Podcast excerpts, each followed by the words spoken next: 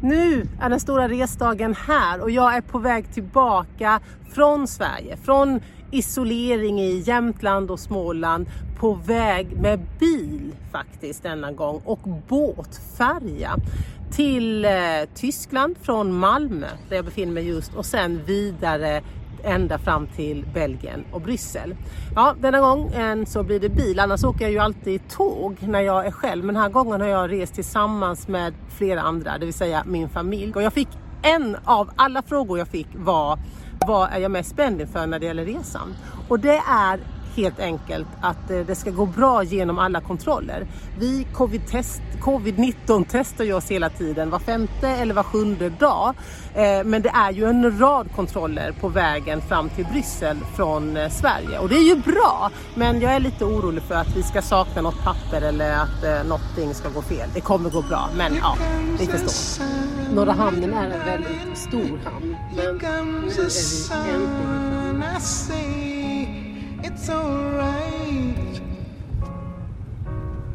Så, nu är vi på båten och nu ska vi hitta vår lilla hytt där vi då ska vara inlåsta de nio, nej, de, jo, nio timmar som resan tar.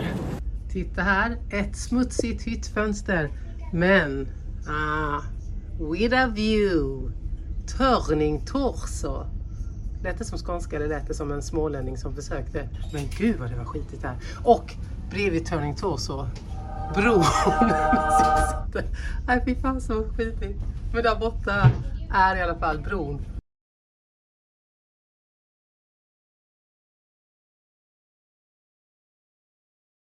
Jag upptäckte att jag hade eller fick ett väldigt bra ljus i ansiktet när jag vände kameran åt det här hållet. Och det ni inte ser men som jag ser det är bron. Eh, jag tror inte vi kommer åka under den men vi kommer åka bredvid den. Eh, och jag tar nästa fråga. Har du någon särskild spellista när du reser? Jag har ingen särskild spellista, eller jo, i praktiken så finns det en särskild spellista och det är den spellista mina ungar och man styr över. Och så blir det den. När jag får styra över eh, ljudet eh, själv så, eh, så blir det mycket radio och en del poddar. Men ja, ingen sån här resespellista. Det finns säkert, oj, vem var det som pruttade? Ja. Men hörni, plötsligt händer det. Vi åker under bron.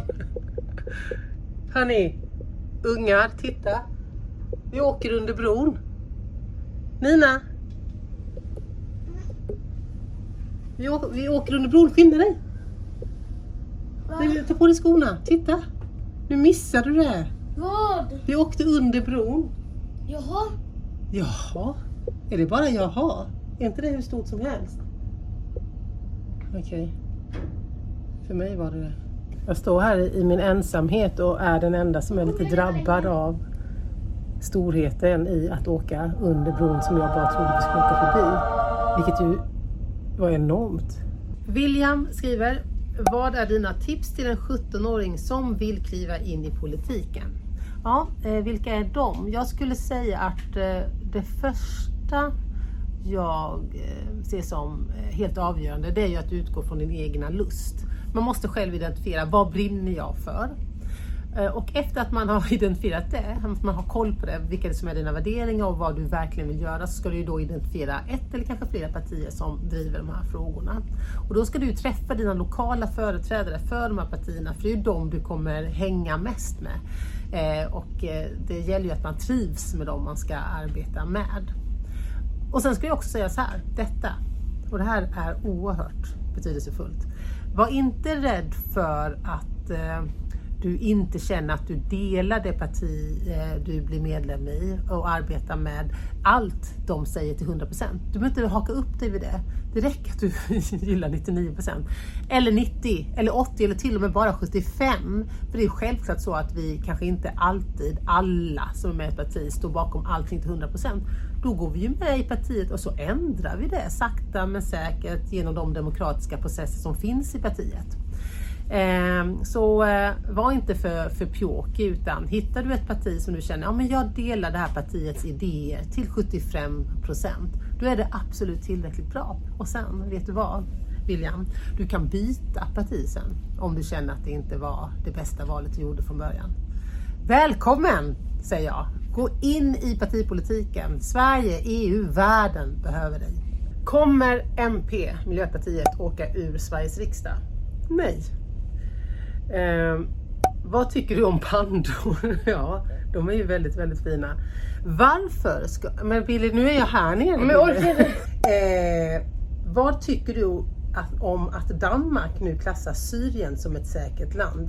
Ja, det är värt ett helt eget avsnitt, så det får jag återkomma till. Det tycker jag inte om, kan jag säga i all korthet. När åt du kött senast? Det var flera, flera år sedan. Eh, I alla fall medvetet. Men omedvetet var det också för ett antal år sedan när jag var i USA och jag eh, var på en ranch någonstans i, i in the wild west och hade beställt en, en sallad. Jag, varit, jag hade varit övertydlig med att jag äter inget kött, jag vill inte ha något kött i min sallad, jag vill bara ha sallad.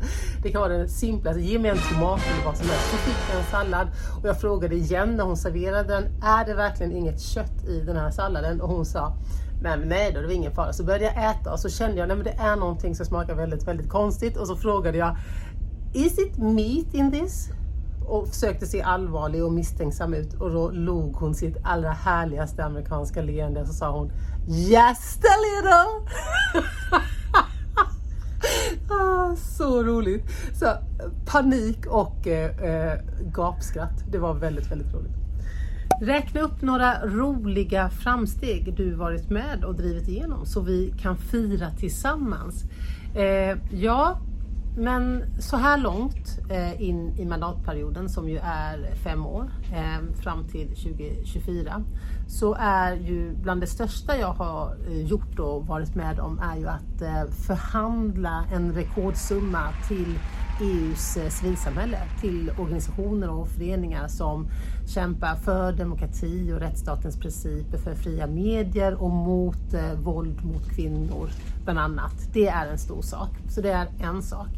Eh, en annan sak var ju den eh, eh markering som Europaparlamentet gjorde mot eh, den strukturella rasismen och polisvåldet i USA och eh, eh, också att vi pekade på rasismen och diskrimineringen i EU.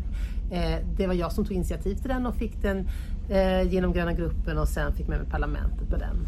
Eh, och det tredje skulle jag vilja säga är att jag eh, har eh, sett till att jag nu är rapportör, det vill säga parlamentets förhandlare för antidiskrimineringsdirektivet. Hur äter du äpple? Äppelbåt eller äppelkikare? Vad är en äppelkikare? Jag äter nog, jag äter så här båtar. Vad, vad är en äppelkikare? Är det att man äter äppel så här och så blir det två? Nej. Båt. Boel frågar Sitter du på något hemligt? Information, projekt som du inte får dela med dig av än?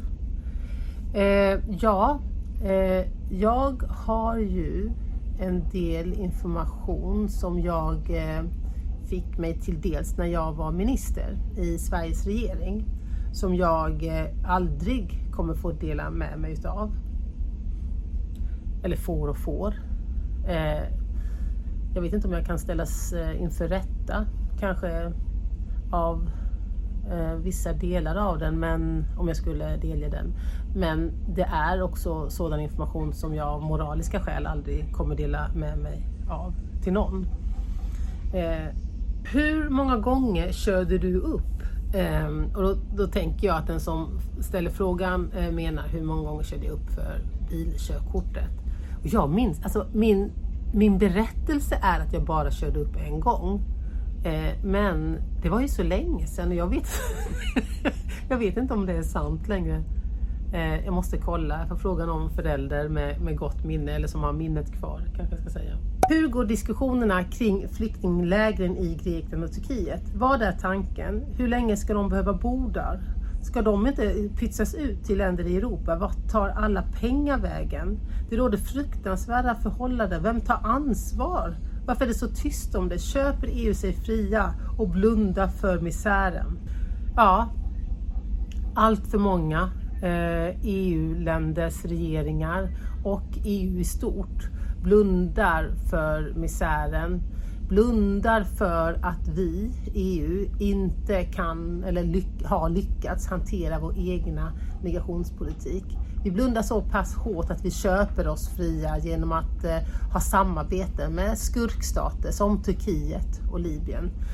Eh, och det som pågår är fruktansvärt. Fruktansvärt. Och vi är ju en minoritet i parlamentet. Det är vi gröna och vänstern som genomgående står upp för att vi måste prioritera om och vi måste börja ta ansvar för vår egna migrationspolitik och vi måste i solidaritet fördela ansvaret över de människor som tvingas på flykt. Eh, och det, ja, tack för frågan. Har du fått vaccin?